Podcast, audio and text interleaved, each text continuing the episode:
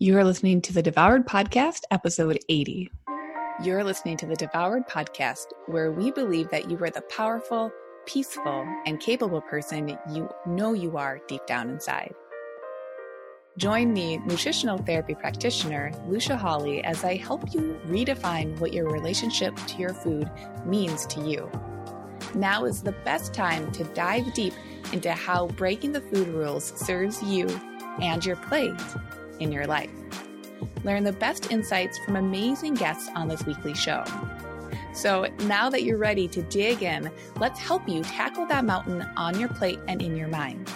Just know that you are in the right place, friend.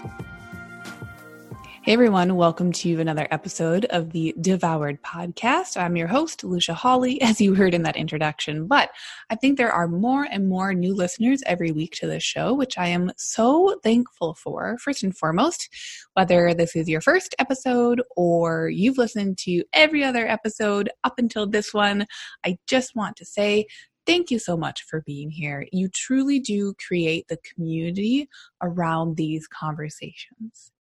How powerful is that? The more of us that come into community when we have these conversations means that there are more of us due to the ripple effect of what happens when we step into our own liberation and we step into that liberation with peace and power absolutely beautiful. So, today's episode, I'm covering what anti diet culture is. Now, you've heard me talk about diet culture in the past and describe what it is, what that looks like from a social perspective. So I thought since we have that one end of the pendulum, I thought what we could do today is describe the other end of that spectrum, the other side when the pendulum swings from being immersed in a dieting culture to also the fact and the reality that we can be immersed in an anti dieting culture. And I think this is a timely episode because what I'm noticing, especially on social media, is that when someone discovers that they have really been consenting to, from an uninformed place, their own immersion in diet culture. Basically, when they recognize that, like, they live in this world that is steeped in messages that they no longer agree with, that actually are not in alignment with their own core values, a lot of times what happens is once we have that information, we can still feel quite emotionally attached to dieting, period. So, we recognize, oh, wait, I'm in diet culture. I don't actually agree with this culture. What am I going to do? Knowingly or unknowingly, I'm going to stand up and stand out against that dieting culture. Usually, what that then shifts into is that someone identifies as anti, in this case, dieting culture. Is that you? Have you felt that way before? Do you feel like you're starting to understand some of the conversations that diet culture always brings to us? What are some of those? Well, you should be smaller. You should look a certain way you should always want to lose weight. If you're not desiring weight loss, you are bad. You're a sloth. You are gluttonous. You are fat. You are ugly.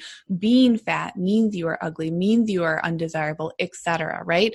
A lot of terminology that at the end of the day, if you take away the different layers, comes back to shaming rhetoric, shaming ideas, blaming rhetoric, blaming ideas, blaming other people, blaming your circumstance, identifying as a victim, and as well the fact that you are never enough. That's truly what a lot of dieting culture boils down to. And truth be told, for businesses that function off of the messages that surround dieting culture, that works really well. Because what can they do? They can then tell you, hey, you're not good enough, and I'd like to sell you something that will make you good enough. Once you have this thing that we are selling you that you've never thought of before, this time it's going to work, right? This time you're going to lose the weight in two weeks. this time you're going to become a gym loving aficionado and you're going to look completely toned, but not too bulky, etc. So, those are some of the messages that we can hear in diet culture.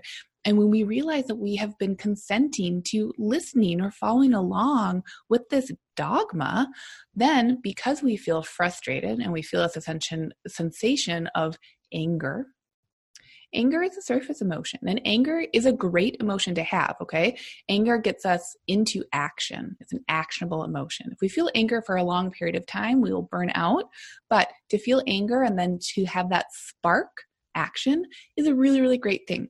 So, a lot of the times, what the action can then be sparked is that we have a complete rejection of diet culture because we are frustrated, we are in anger with what we have been unknowingly or unwittingly consenting to with messaging about ourselves and how we should feel about ourselves. So, in this episode, what I want us to be understanding is that when we identify as anti diet culture, meaning we fully reject every single message of diet culture, there's something that happens psychologically when we position ourselves as anti. And in this case, when we position ourselves as anti diet culture. And when we position ourselves as anti, the truth of the matter is, and this is a very simple thing, okay? The truth of the matter is, when we identify as anti something, we are still giving our attention to that thing that we describe we are anti. Think about that for a moment. Have you ever positioned yourself as anti something and does this feel like when you think about a situation, maybe pause the, pause the podcast if you need to think about it for a minute? Does it feel like when you identified as anti that you were truly liberated from the thing that you were rejecting?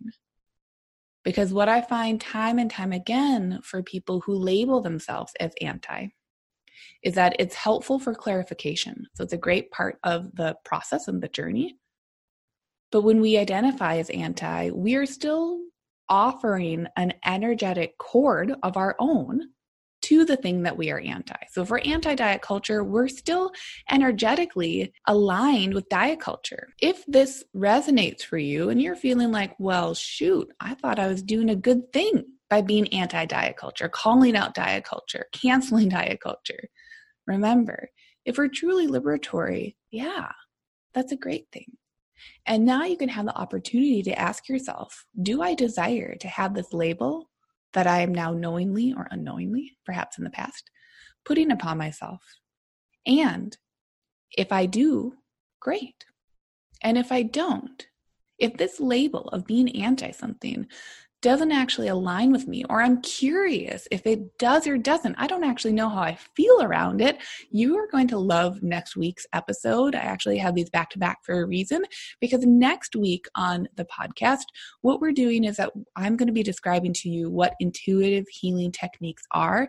And these are really, really supportive techniques that will truly help you understand if you are aligned with an action if you are aligned with a label, if you are in alignment. And alignment is this word that can sound great. You're like, yeah, I want to be in alignment with things, or I want to know what I'm not in alignment with something. But the way we come into alignment is out of curiosity, it's out of compassion, and it's out of trusting our own intuition. And once we know that, then we can say, now I'm ready to develop my intuition and to develop my own self trust with my intuition. So that's my little disclaimer that next week you're going to get a lot of really, really great actionable takeaways for how to begin to understand what an intuitive healing technique is, what it feels like, and how you can start to bring those into your life today because they're free and they're 100% by you for you, which is incredible. So, just wanted to offer this because I've noticed again in the online space which is incredible technology is very very helpful when it comes to learning and offering us information. But unfortunately what i've noticed is that when we start to identify what something is a lot of us and we decide oh i don't like that like dieting culture we then make it very black and white we say, well, okay, if that's the thing that I don't like, then I have to be the exact opposite of that. So I'll slap on a label onto myself. And as I mentioned earlier, that label is what will continue to create that energetic cord.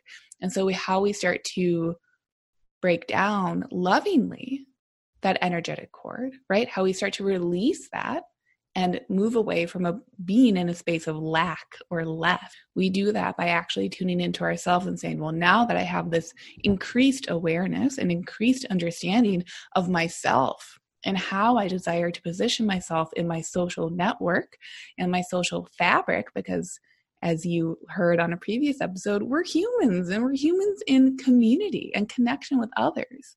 So we have to understand the reality that we don't exist in vacuums right? You're an independent, sovereign person, but you don't exist in a vacuum. That's not how the world works. And we don't have to pretend that that's how the world works because that, again, is not actually offering us tools that can help us in our real life world. And if someone is instructing you to say, oh, just do this, just do that, right? Here's my social hack to just, you know, just set up these big boundaries. If you don't like someone, just cancel them, just reject them, right? Again, that's coming from that place of lack. And it's actually not moving beyond the pro or anti rhetoric of dieting or of difficult conversations or of being triggered, right? There's so many spaces that this conversation can grow into. So, this week, I want you to be thinking about if you identify with the terminology anti diet culture, or you're coming into a relationship with diet culture where you're like, oh my gosh, I don't like you. Like, get out, like, get off. I want to shake you off, right? it's like a, uh, when a dog gets a bath and you can just tell. I don't know if you, well, whoever has a dog out there, you know how this goes. I don't know how it goes for cats. I've never had one. I'm allergic. But when you're giving your dog a bath, at least my dog doesn't totally love baths. She likes attention, but not the actual bath time. Regardless, when I'm giving my dog Hazel a bath, I can just tell as soon as I'm done, she has this energy where she is so ready to shake off that bath time and she literally just shakes it off. So if you're in a space right now with diet culture where you're like, "Oh, I'm about I'm about ready to shake it off." Think about what would happen for you if you were to shake it off, not with aggression and anger, but if you were to literally allow it to release from yourself, right? Just like that dog shaking off the water after the bath. Even if you didn't really love that bath, you're not mad at it. It just happened. So now that you're in a new space and a new point of time, because every second is a new point in time, you can ask yourself, how would I like to release and shake off this energetic connection to a society or to a way of being within diet culture that I now realize I no longer align with. So hit me up over on Instagram or in the free Facebook group that I have. I have those linked in the show notes. I really want to continue to create conversation around these because, again, when it comes to diet culture, we like to say, okay, I've learned the thing, now I do the thing. That's how I work. I'm a robot. Listen, buddies, no one here is a robot. So to actually move beyond pro and anti diet culture, we usually do need to have some verbal processing. And the beauty of the internet is that we can have that verbal processing via typing, right? Or via audio messages or via learning within a space that is beyond just person to person in front of each other. So hit me up over on Instagram.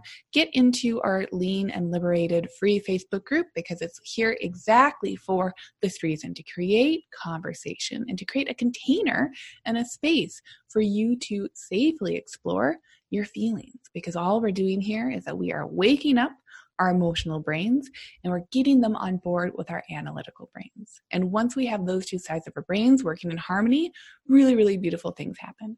So thanks so much for being on today's episode, and I'll see you next week. Thanks for listening to the Devoured Podcast. Jump into the show notes for this episode and all past episodes at devouredpodcast.com. And if you love the show, please take just two minutes out of your day today to leave a review. This helps us so much in spreading the word. Consider also sharing your favorite episode with a friend. Let's get food liberation for all, and we'll see you on the next episode.